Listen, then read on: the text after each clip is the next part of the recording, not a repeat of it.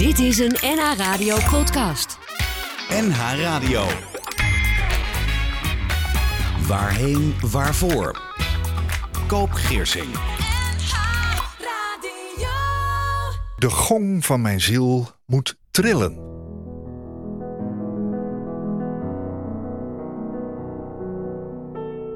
Welkom, dit is NH Radio met een nieuwe aflevering van Waarheen Waarvoor. Ik ben Koop Geersing. En ook nu heb ik een gast met wie ik praat over leven en dood, over verlies, over afscheid en in dit geval over de impact van een zelfgekozen dood. Afleveringen zijn als podcast te beluisteren via nhradio.nl en alle andere podcastkanalen. En mijn gast in deze aflevering van Waarheen Waarvoor is beeldend kunstenaar, ooit begonnen als onderwijzeres in het basisonderwijs, later werkzaam in de volwasseneneducatie, waar ze onder andere Nederlandse taal gaf aan doven en aan vluchtelingen. En zij schreef een twaalftal publicaties over doof- en slechthorendheid. En mijn gast is een gezinshuisouder in een normalisatiegezinshuis en pleegouder. En zij schreef het recent verschenen boek Donderdagen, uitgegeven bij uitgeverij Anderszins. Rini van Dam, welkom. Dankjewel. Wat heb jij met doof en slechthorendheid? Um, dat begon toen mijn zoon uh, nog maar drie jaar was. Hij de waterpokken kreeg en daardoor slechthorend werd. En op een gegeven moment dacht ik, weet je wat, ik ga vast gebaren leren voor het geval hij helemaal doof wordt. Dan ben ik hem voor. Kun je dat? En, ja, dat kan ik. Ja. Dus ik heb heel veel cursussen gevolgd.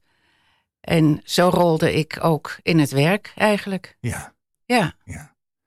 En is hij doof geworden? Ja. Nou ja, hij heeft in één oor nog een restantje gehoor. Maar dat is, uh, als wij het zo zouden horen, zou het een soort Chinees zijn. Ja. Uh, waar hij dan Nederlands van maakt. Oké. Okay. Dus ja, maar hij heeft nooit gebaren geleerd. Nee, maar jullie kunnen goed communiceren met We kunnen, elkaar. Ja, ja, dat gaat goed. Je was gezinshuis... Ouder. Um, we gingen op een gegeven moment in een normalisatiegezinshuis werken.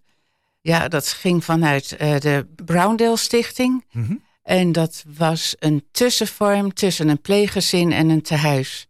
Er waren gewoon kinderen die niet geschikt waren voor een tehuis, omdat ze daarin zouden verzuipen. En ook niet voor een pleeggezin, omdat daar te veel van ze verwacht zou worden.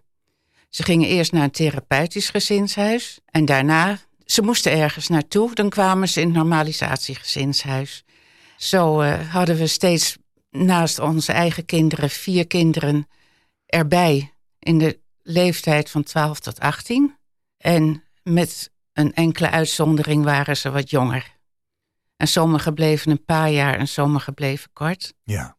Dus je probeerde ze weer wat de, ja, de weg te wijzen de maatschappij in. Ja, ja. Doe je het nog? Want ik zei, je deed het. Ja, we hebben het zes jaar gedaan. Hm. En toen waren we ook uh, redelijk opgebrand. Ja? het is heel intensief. Ja, je hebt geen wel, ja. vakantie. Je hebt altijd zes kinderen waarvan alles mee aan de hand is. Eén kind is uh, pleegkind geworden. Mhm.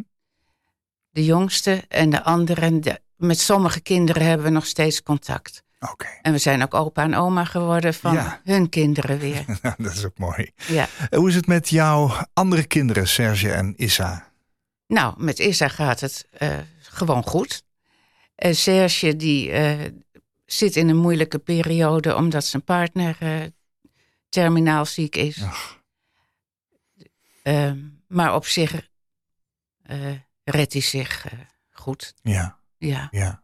En ten aanzien van alles wat gebeurd is in jullie leven.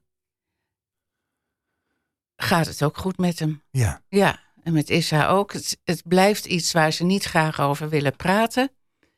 En het boek, hè, Donderdagen, dat willen ze nog steeds niet lezen. En Nee. daar heb ik ze ook alle ruimte voor gegeven. dat hebben ze dus nooit het is mijn verhaal. geslagen. Nee. En als je het niet wil lezen, vind ik het goed. Als je het over een paar jaar wil lezen, vind ik het ook goed. Ja, En eh, ze zijn bang dat het te dicht, nog steeds, het is 30 jaar geleden van, hè, van mijn dochter.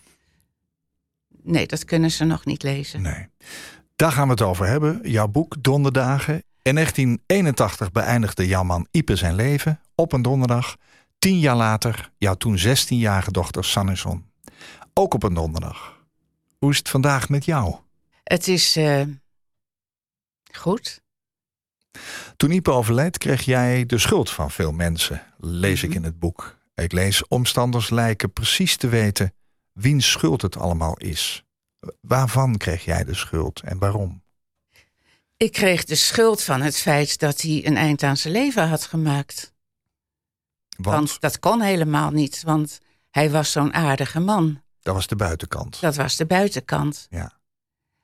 En eh, nou ja, het was 1981 en wij leefden op een vrij alternatieve manier in een dorp waar men dat niet gewend was. Wat bedoel je daarmee? Waar overigens best hele aardige mensen woonden. Ja, het, het, het was toen nog heel erg ja, hoe het hoorde. Kleine gemeenschap. En eh, wij zagen er anders uit.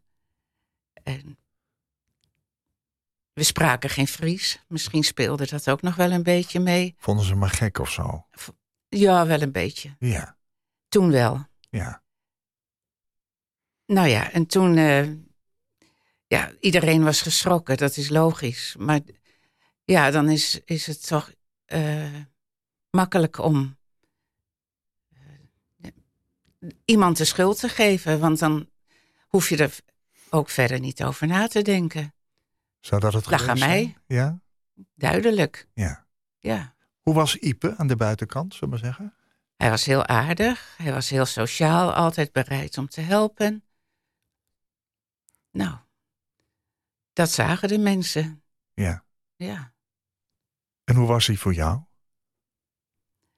Dat was dubbel. Dat was ook een soort twee levens leiden met de hele lieve, aardige Ipe die heel eh, veel belangstelling had voor van alles en nog wat. En die mij ook heel veel dingen leerde. Over de natuur, over dieren, over eh, de politiek, noem maar op. Dus dat was heel erg leuk. Maar de andere kant was een, een dat hij ook een hele boze, agressieve man kon zijn. En die kant zagen de meeste. Nee, die zag niemand. Nee. Die zag jij wel. Ja, daar had ik mee te maken. Jouw gezin ook? De kinderen niet.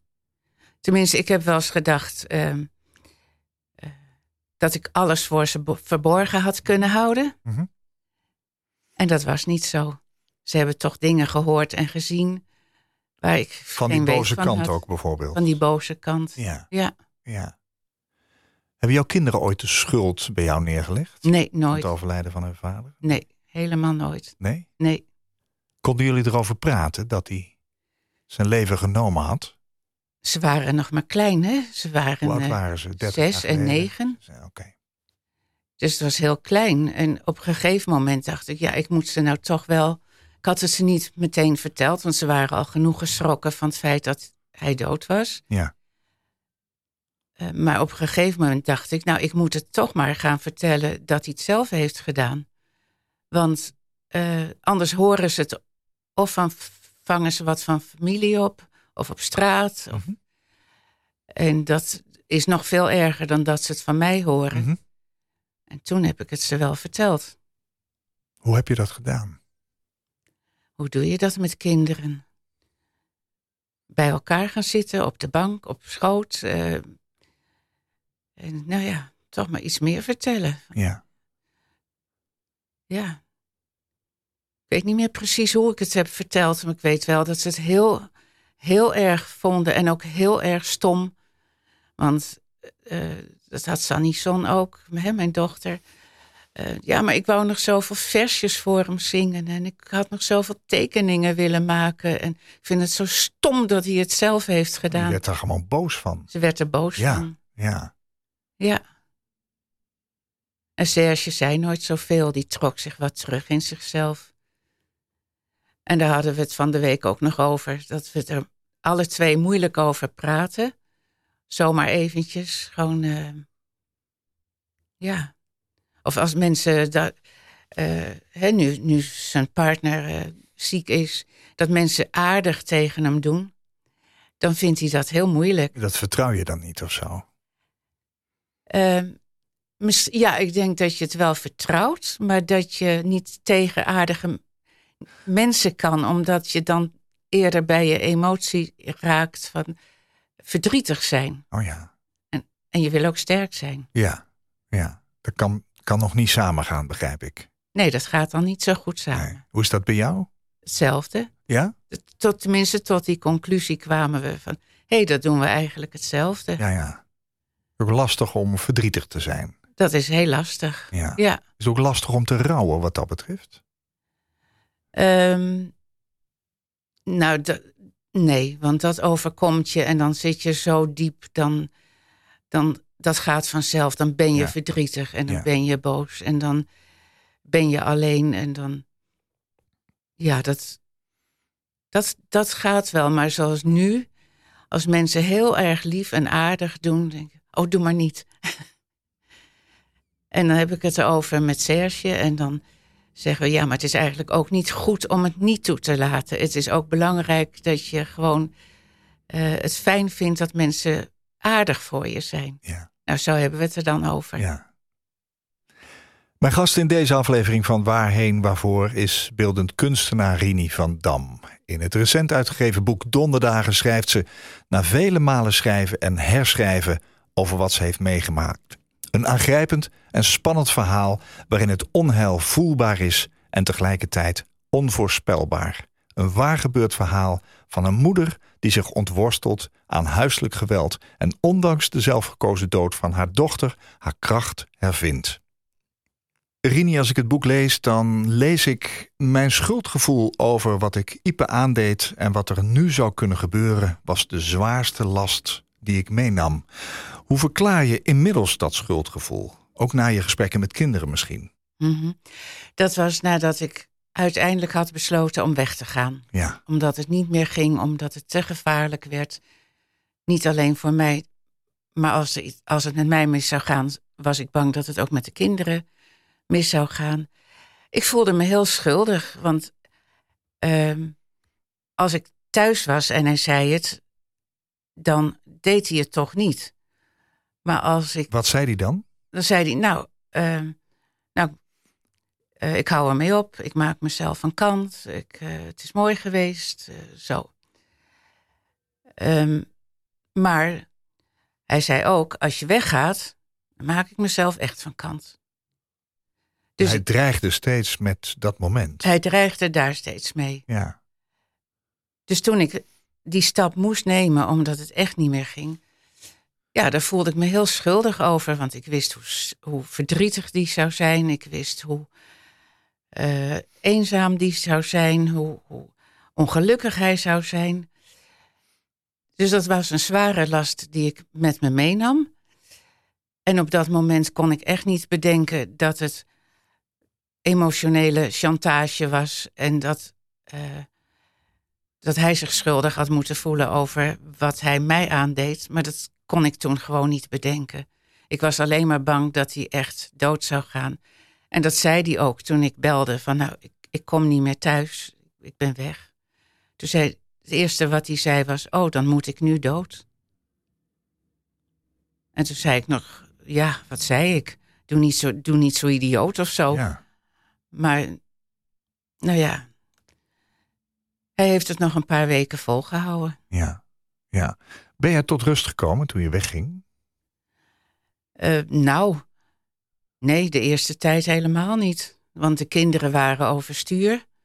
En die wilden natuurlijk het liefst eh, weer naar papa toe. En ze misten hun vriendjes en ze misten hun school. Ja, want je nam de kinderen mee. Ik nam de kinderen, ja, Ja, was je vooral bang, want er was ook sprake van huiselijk geweld. Was je vooral bang dat zij iets aangedaan zou worden? Ja. Kijk, het werd zo dreigend dat ik bang was. Nou, op een gegeven moment dacht ik, dit is de laatste keer. De volgende keer, dan is het echt gebeurd. Ja. En wat gebeurt er dan met de kinderen? Want dan ziet hij het zelf ook niet meer zitten. Nee. Maar wat doet hij dan met de kinderen? Ik was gewoon ontzettend bang. Ja. Dus ik kon ook niet terug. Ja, en na een paar weken ging het, kwamen de kinderen wat tot rust. Maar ik was altijd op mijn hoede. Altijd. Want hij kon ook, op een gegeven moment wist hij ook waar ik was. Had ik ook zelf verteld, want ja, op, nou, op een gegeven moment moet, moet je ook wat. Maar dan dacht ik s'nachts wel van, sluipt hij nou om het huis of niet? Ja. Je was gewoon angstig. Was gewoon heel bang, Ja. ja. Was er iemand, een vriendin of een vriend of mensen die wel eens over de vloer kwamen naast de familie? Iemand van buiten die bijvoorbeeld jouw situatie toch wel zag en zou kunnen ingrijpen? Of, of, of had je niet een goede vriendin met wie je besprak wat je overkwam? Ik besprak het niet met mijn familie. Ik besprak het niet met vriendinnen. Uh, er kwam ooit iemand op bezoek die zei van... hoe kom jij aan dat blauwe oog? Ze had ik weer een smoesje natuurlijk gevallen of tegen de deur gestoten. Toen zei hij dat kan helemaal niet. Want daar krijg je geen blauw oog van. Maar er gebeurde verder ook niks. Nee. Ja, ik heb het alleen met uh, Herman die nu mijn partner is. Ja, die is ook aanwezig in de studio. Het is ja. fijn dat hij erbij is. Ik heb het met Herman besproken, vaak verteld van uh, wat er gebeurd was. En ja. Herman uh, was altijd ontzettend lief. En die praatte met Ipe, die praatte met mij, die praatte met ons samen. Maar op een gegeven moment ging dat ook niet meer. Omdat Ipe ook redelijk agressief gedrag naar hem toe ging vertonen. En uh, ja, Herman heeft nog steeds iets van: had ik niet anders moeten ingrijpen? Ja. Had ik, nou ja, had ik. Maar op dat moment zit je er zo in en dan kan het op dat moment gewoon niet anders. Nee. En Ipe was toch wel een man die, uh, nou, behoorlijk. Uh, nou, niet, hij hoefde niet eens te dreigen, maar zijn gedrag, zijn houding was dan al zo dat je dacht: Oh, um, rustig, rustig, rustig blijven, anders gaat het mis. Ja. ja. Toen je het huis uitgegaan was, wachtte je toen ergens ook een beetje op het moment dat je bericht zou krijgen: hij is er niet meer? Um, jawel. Maar dan gaan er een paar weken voorbij. En dan denk je, hé, hey, nou, misschien redt hij het toch wel. Was misschien toch alleen maar een En zijn moeder was vaak bij hem en, en zijn broer. En ja. van, nou, ja, ja, wie weet, wie weet lukt het om, hè, om zijn leven zelf op te pakken en dat het toch niet gebeurt. Ja. Maar ja, toen zijn moeder een dag weg was, toen was het, uh, dat moment heeft hij afgewacht. Hoe hoorde je het? Er kwam kwamen rechercheurs aan de deur op, bij het adres waar ik uh, op dat moment verbleef. En toen ze voor de deur stonden, wist jij meteen hoe laat het was? Nou, ik dacht eerst dat Jehovah-getuigen waren. het is... Deur weer dichtgetrokken. ik dacht, uh, even snel afhandelen. Ja. Niet zo aardig, maar... Um, nee, nou ja, toen, toen ze dat zeiden, toen dacht ik... Oh ja, nou, het is toch gebeurd. En wat deed dat moment met je? Ja, wat gebeurt er dan in je? Ik, mijn hoofd werd raar. Het, ik kon niet meer denken. Ik kon nog nauwelijks praten. En wat ze allemaal vertelden. Nou, de helft drong echt niet tot me door. En op een gegeven moment zei een van de twee. Nou, dan moet je maar even met het. Uh, met de, hoe heet dat? Zo'n rouwcentrum. Ja. Daar, was, daar was die naartoe gebracht. Moet je maar even bellen, want ik weet zelf niet precies waar het is. Nou, dat ging gewoon niet. Nee. Ik kan, kan niet luisteren. Hoe denk je nu over Ipe als je aan je leven met hem terugdenkt? Ik kan nu medelijden met hem hebben. Niet omdat hij deed zoals hij deed, maar omdat hij het gewoon niet op de een of andere manier niet kon uh, pakken. Dat hij zelf niet kon stoppen. Dat hij. Ja, ik heb ook wel met hem te doen. Ja ik denk ook, als ik nu terugkijk, ja, maar ik heb het ook met me laten gebeuren. Dat is natuurlijk ook een proces van jaren waarin je je grenzen steeds verlegt. Van, oh, het, kan, het kwam steeds een beetje erger. Maar het erger was je al gewend en een beetje erger, dat komt er ook nog wel bij. Ja. Uh, Ja, ik, nu zou ik het niet meer met me laten gebeuren. Nee. De- eh, ik kan tegen Serge wel praten over de mooie dingen van hem. Ja. Gelukkig. Ja, Ja. Vind ik ook wel heel knap hoor. Ja. Ik merk geen bozigheid. nee, dat zei ook iemand die. eh, dat is de Gideon in het boek, die overleden, die ook zelfmoord heeft gepleegd. En zijn vader is ontzettend boos geweest. Ja. Zo boos. Ja. En die zei ook, maar je bent helemaal niet Nee. boos in het boek. Nee, dat constateer ik ook. Ja, Ja. ja. Maar ik ben wel boos geweest, natuurlijk. Maar ik denk, dat hoef ik niet op te schrijven, want dat kunnen mensen toch Ah. zelf ook wel snappen, dat Ja. je daar heel boos van wordt. Ja. Het is een proces geweest waar boosheid ook in voorbij Ja. kwam, zou je kunnen zeggen. Ja. Ja.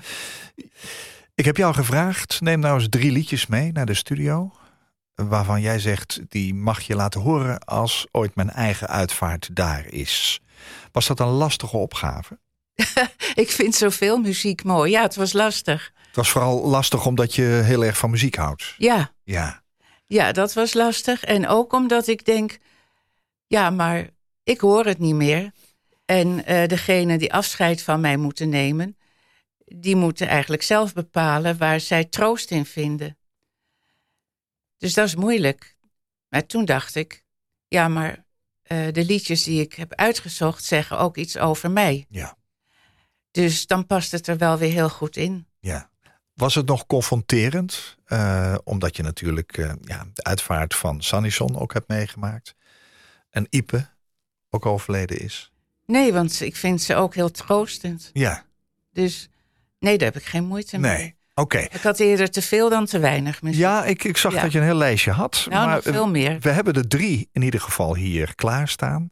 En de eerste is er eentje van Jeroen Zijlstra. Waarom? Eh, ik vind Jeroen Zijlstra met dat liedje zo... Nou, zijn stem is, heeft een vrij rauwe, doorleefde stem. En hij zingt dat liedje zo ontzettend teder. Het is een slaapliedje voor iemand die wakker ligt van zorgen en verdriet. En dat zingt hij zo ontzettend mooi. Hoe heet het? Onderzeil.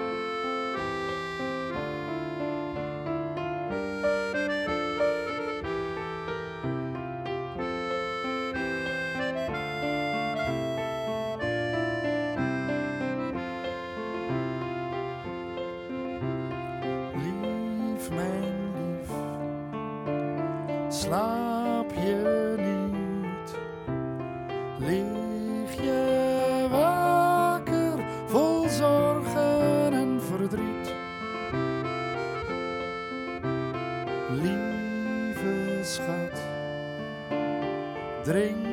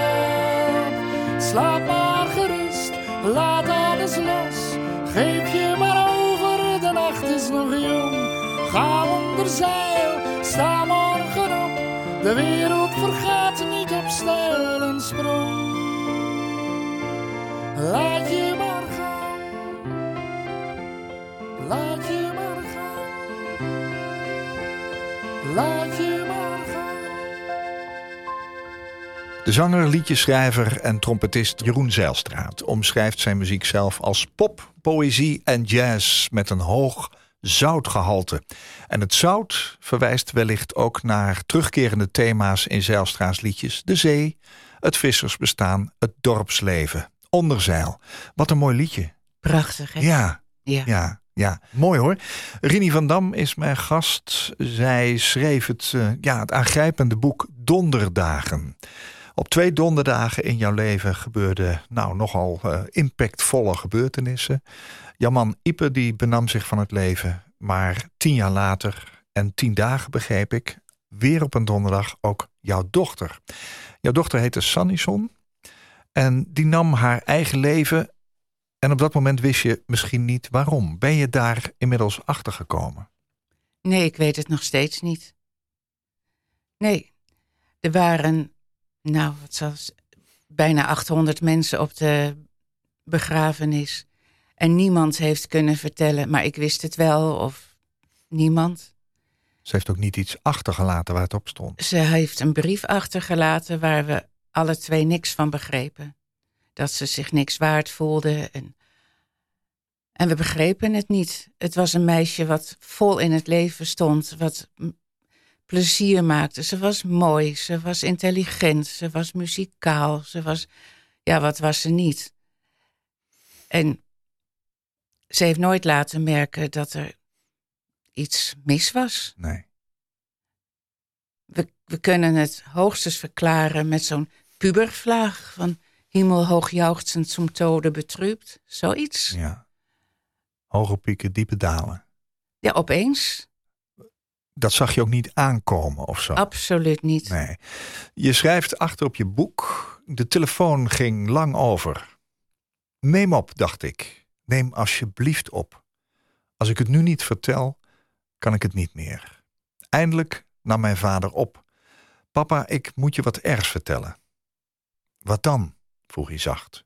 Sannesson is dood. Zijn stem brak toen hij vroeg: Hoe kan dat nou? En dan schrijf je verder na tientallen jaren heb ik eigenlijk nog steeds geen antwoord op die vraag van mijn vader gekregen. Dus het is je nooit duidelijk geworden ook. Nee, Nee. helemaal nooit. Ook, ook niet na jaren. Nee, ze heeft het weekend ervoor nog op school op het podium staan swingen met muziek. Geen enkele aanwijzing. Nee. Ja, ze begon een beetje harder de trap op te lopen of ze sloeg eens met een deur. Maar dat. Ja, het was altijd een Verwacht heel- je van een puber, zullen we zeggen. Ja, maar het was altijd een heel lief meisje. Dus we zeiden van, goh, ja, er komt toch een beetje pubergedrag. Is eigenlijk wel gezond. Ja. ja. Ja, nou, Wat voor het soort enige. eh, relatie hadden moeder en dochter? We hadden het heerlijk samen. Ja. Niks raars, niks Nee. bijzonders, niks bozigs. Nee. Nee. Toen Sannesson overleed, toen ging het helemaal anders. Toen waren er veel mensen om jullie heen die jullie optilden en meenamen, lees ik. Dat je van daaruit weer wat moed te pakken kreeg. Eh, als je kind doodgaat, zeg je, ga je van binnen kapot. Het is wat ik ook heel vaak hoor, het allerergste wat iemand kan overkomen. Hoe denk je nu aan Sannesson? Blijf je worstelen met dat laatste stuk? Of kun je ook denken aan dat andere stuk van haar leven? Dat andere stuk van de blijde Sanison, dat hadden we eigenlijk heel snel te pakken. Het, eh, het, het was een fantastisch kind. En waarom ze er niet meer is, weet ik niet. Maar ze, ze is nog steeds ja, in, mij, in mij een fantastisch kind. En ik denk ook met heel veel plezier aan haar. Ja. Ja, ja, dus het feit dat ze niet achter heeft gelaten waarom ze uiteindelijk besloot uit dat leven te stappen, dat zit je niet meer in de weg. nee. Nee. Het enige is dat ik eh, wel boos kan worden op mensen die snelle conclusies trekken. Ja. Eh, goh, vertel eens wat over Sanison. Hoe was ze? Ik, heb haar nooit gekend. Heb je foto's? Nou, laat je dat zien, vertel je wat. En dan komt er een snelle conclusie. En denk oh ja, het is weer duidelijk. Waar, hè, we weten weer waarom ze het gedaan heeft. Terwijl ik het helemaal niet weet. Wat is die conclusie dan, bijvoorbeeld? Eh, eh, nou, dat kan zijn. eh, oh, ze was geadopteerd, bijvoorbeeld. Ja, niet alle kinderen die geadopteerd zijn, die plegen zelfmoord. Nou ja, zo zijn er. Er gingen, er deden natuurlijk ook eh, geruchten de ronde. Van ze was zwanger, de verkering was uit, wij gingen scheiden. Ja, dat was helemaal niet zo. Niks van dat alles was waar. Maar als mensen eh, weten, voor zichzelf weten hoe het kan zijn gekomen, Ja. dan kan het hen niet overkomen, denk ik. En dan is het weer duidelijk. En dan eh, ja, hoeft er ook niet meer over te hebben. Nee. Want accepteren dat je het niet weet, wist ik het maar. Ja. Kijk, bij, bij Ipe wist ik dat hij eh, daar al vanaf, nou toen ik hem leerde kennen, was hij er al mee bezig. Mhm. Maar van Sanison, dat was echt die donderslag bij heldere hemel. Ja. Ja, dan eh, moet je dat gewoon accepteren. Ik kom er toch niet achter. Nee. nee. Hoe leeft ze voort in jullie gezin? Ze is er gewoon. Ja. Ja, het grappige is dat eh, eh, ik heb een me- medaillon. Ik draag het niet elke dag, maar er- nou, er zit een fotootje van Sunny Son in. En dan het, de kleinkinderen vinden dat reuze interessant. Ja. Dus dan moet dat even open. En dan moet ze, ah, Sunny Son. Ja, dat is Sunny Son. En er staat een muziekdoosje met wat kettingjes. Nou, even mee spelen. Dus, of ze gaan wel eens mee naar de begraafplaats. Ze hebben er nooit gekend natuurlijk. Maar nou, ze weten gewoon wie Sunny Son is. Ja. Ga je er vaak naartoe, naar die begraafplaats? In het begin elke dag, toen elke week, toen elke maand. En nu? En nu geregeld. Ja. Wat tref je daar aan als je daar komt? Wat voel je dan? Dat is verschillend. De ene keer denk ik, ach, dom kind, waarom nou? En de andere keer denk ik, ja, het is zo. Goh, nou, de steen moet weer schoongemaakt worden. Ja. Ja. Het is onderdeel van ons leven geworden. Ja. Dus net zoals je af en toe moet afstoffen in huis eh, en, en je niet ziet van, oh wat een mooi huis. Nee, ik moet nodig afstoffen. Kan je ook denken van, nou die steen moet ook weer eens even schoon. Maar natuurlijk is er altijd die domme plek waar je dan naartoe gaat. Maar ja, dan ga je weer naar huis. Ja. Is het weer schoon en opgeruimd? En heb je weer even eh, kunnen denken. Ja. Ja. Doet dat je goed dan? Jawel, maar bedoel, thuis denk ik ook altijd aan haar. Snap in ik. het meer van, god, hier, hier hoor je helemaal niet te liggen. Nee. Nee. En het is 30 jaar verder. Ze zou, eh, ze zou nu bijna 50 zijn. Ik kan me er niet meer bij voorstellen nee. Ze hoe blijft, ze eruit zou zien. Ze, ze blijft altijd die 16. leeftijd houden. Ja, dat Ja. is het. Hè? Je hebt drie liedjes meegenomen. Jeroen Zijlstra hebben we gehoord. We hebben nog zo'n Friese naam. Hè? Roel Slofstra. Ja, Waarom staat hij met deze Friese titel in deze lijst? omdat hij het lied in het Fries zingt. Hij spreekt ook altijd Fries. Eh, nou, ook wel Nederlands, maar meestal Fries. Je kent hem goed, hè? Ik ken hem heel goed. Ja. Het is een hele goede vriend van ons. En hij kan zo prachtig zingen. Hij heeft ook veel meegemaakt in zijn leven. En hij, hij zingt over dat grote verdriet. De storm die, die, hè, die in je blijft zitten. Die tot in je allerlaatste dagen. Dat als je iemand missen moet waar je niet meer mee kan leven. En dat hoeft niet eens beslist over dood te zijn. Dat kan ook zijn dat je relatie mislukt. Maar het, het is een groot verdriet dat altijd bij je blijft. Daar gaat het over. Het is een, oorspronkelijk een, een Deens lied. Het is, ver- ja, ik wil oerzet zeggen. Eh, Overgezet. ja, Ja. dat is Fries. Ehm door Siebe Krol, eh, de partner van Roel Slofstra, ook, ook een goede vriend van ons. En die leeft, hij leeft niet meer. Maar ehm, Ja, hij heeft, dat gewoon, heeft er een hele mooie tekst van gemaakt. En Roel zingt het prachtig. Hoe ik. spreken we het uit in het Fries? Er is een grut verdriet. Er is een groot verdriet,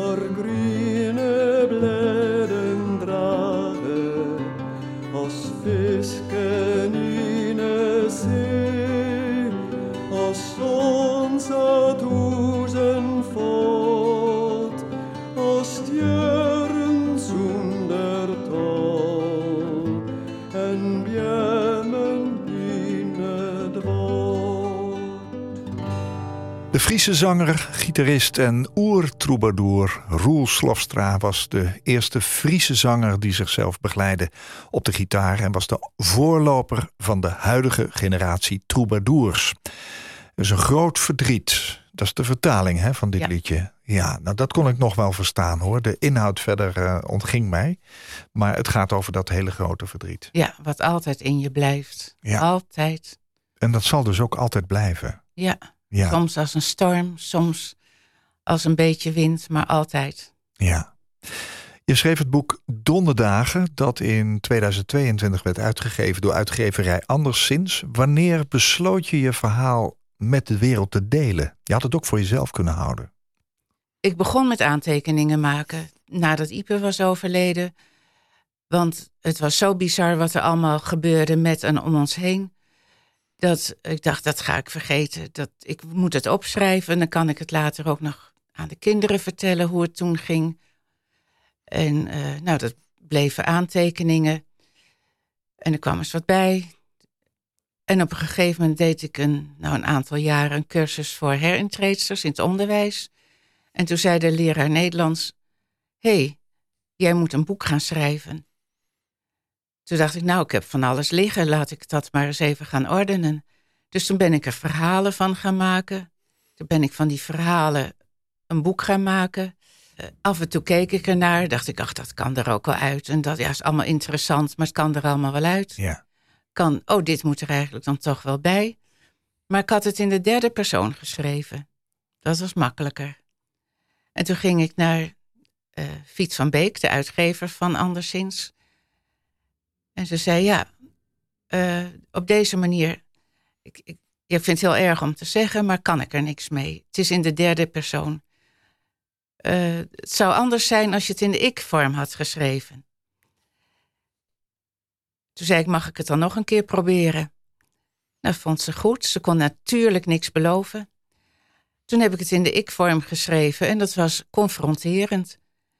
En toen bleek dat er toch weer dingen nog uit konden en toch weer dingetjes bij moesten. En toen was het goed. Toen was het klaar. Ja. Ja, Ja. dat was gewoon precies de goede opmerking die ze, die ze zei. Nou, ik denk ook dat ze gelijk heeft. hè. Ja, ze heeft Het gelijk. komt dus ook heel dichtbij op deze Ja. manier.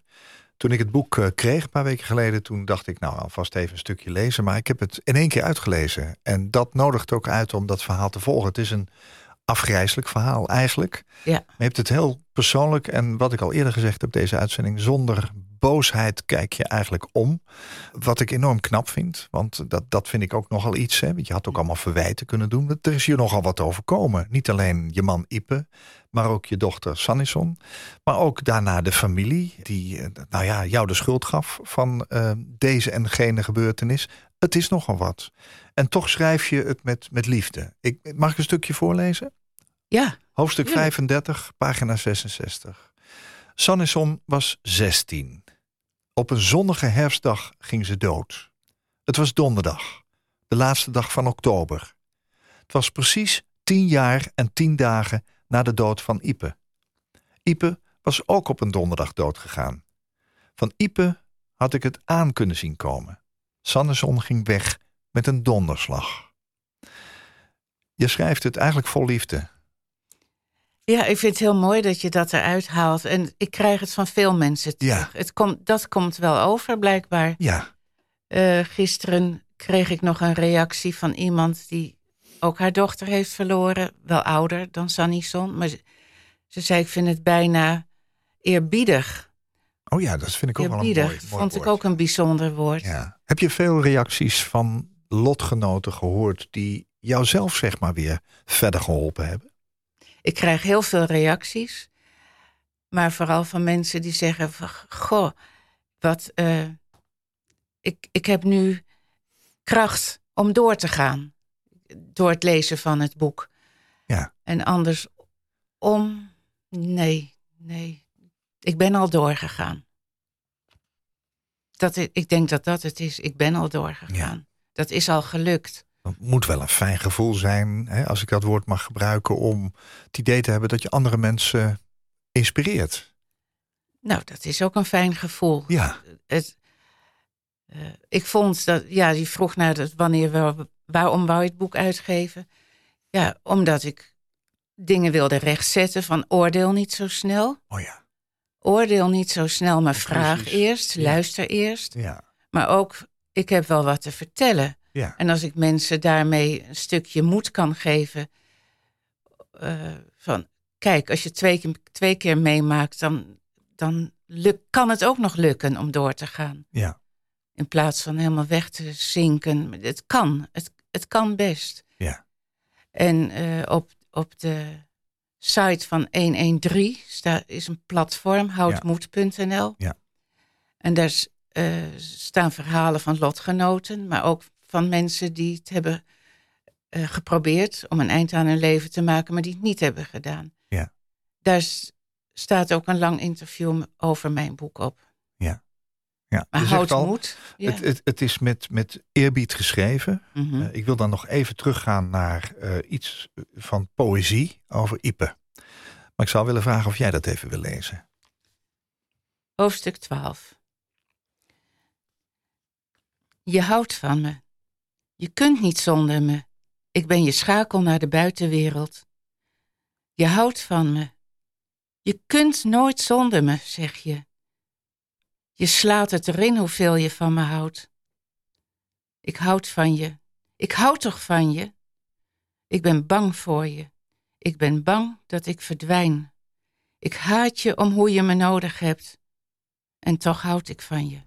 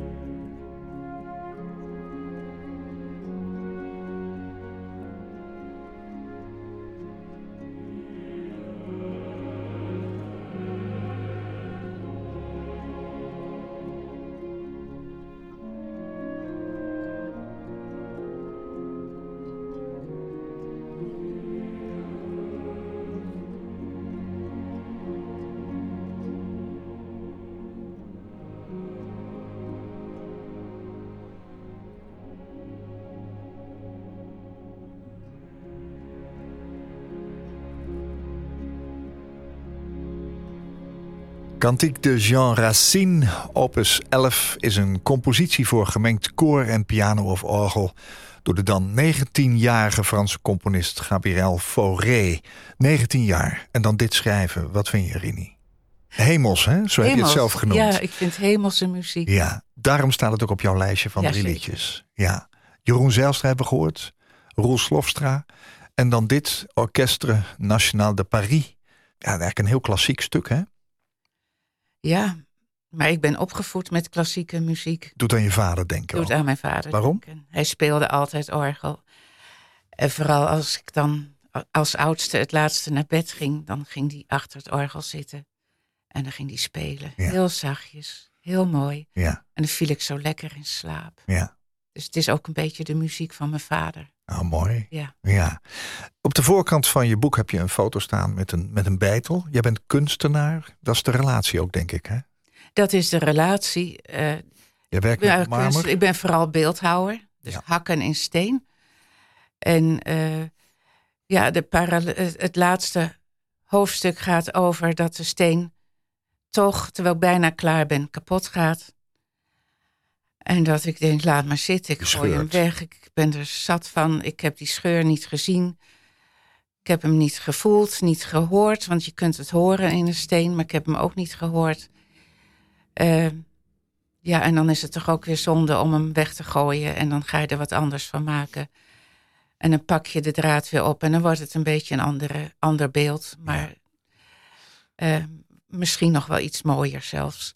Heel symbolisch ook. Dat is heel symbolisch Ja. en daarom staat eh, die hand met die bijtel ook op de voorkant. Ja, heel mooi. Je hebt verschrikkelijke dingen meegemaakt. Je vertelt het met een zekere zachtheid. Kun je weer gelukkig zijn? Eh, ja, ik kan weer gelukkig zijn en ik ben ook gelukkig, maar het is wel heel kwetsbaar.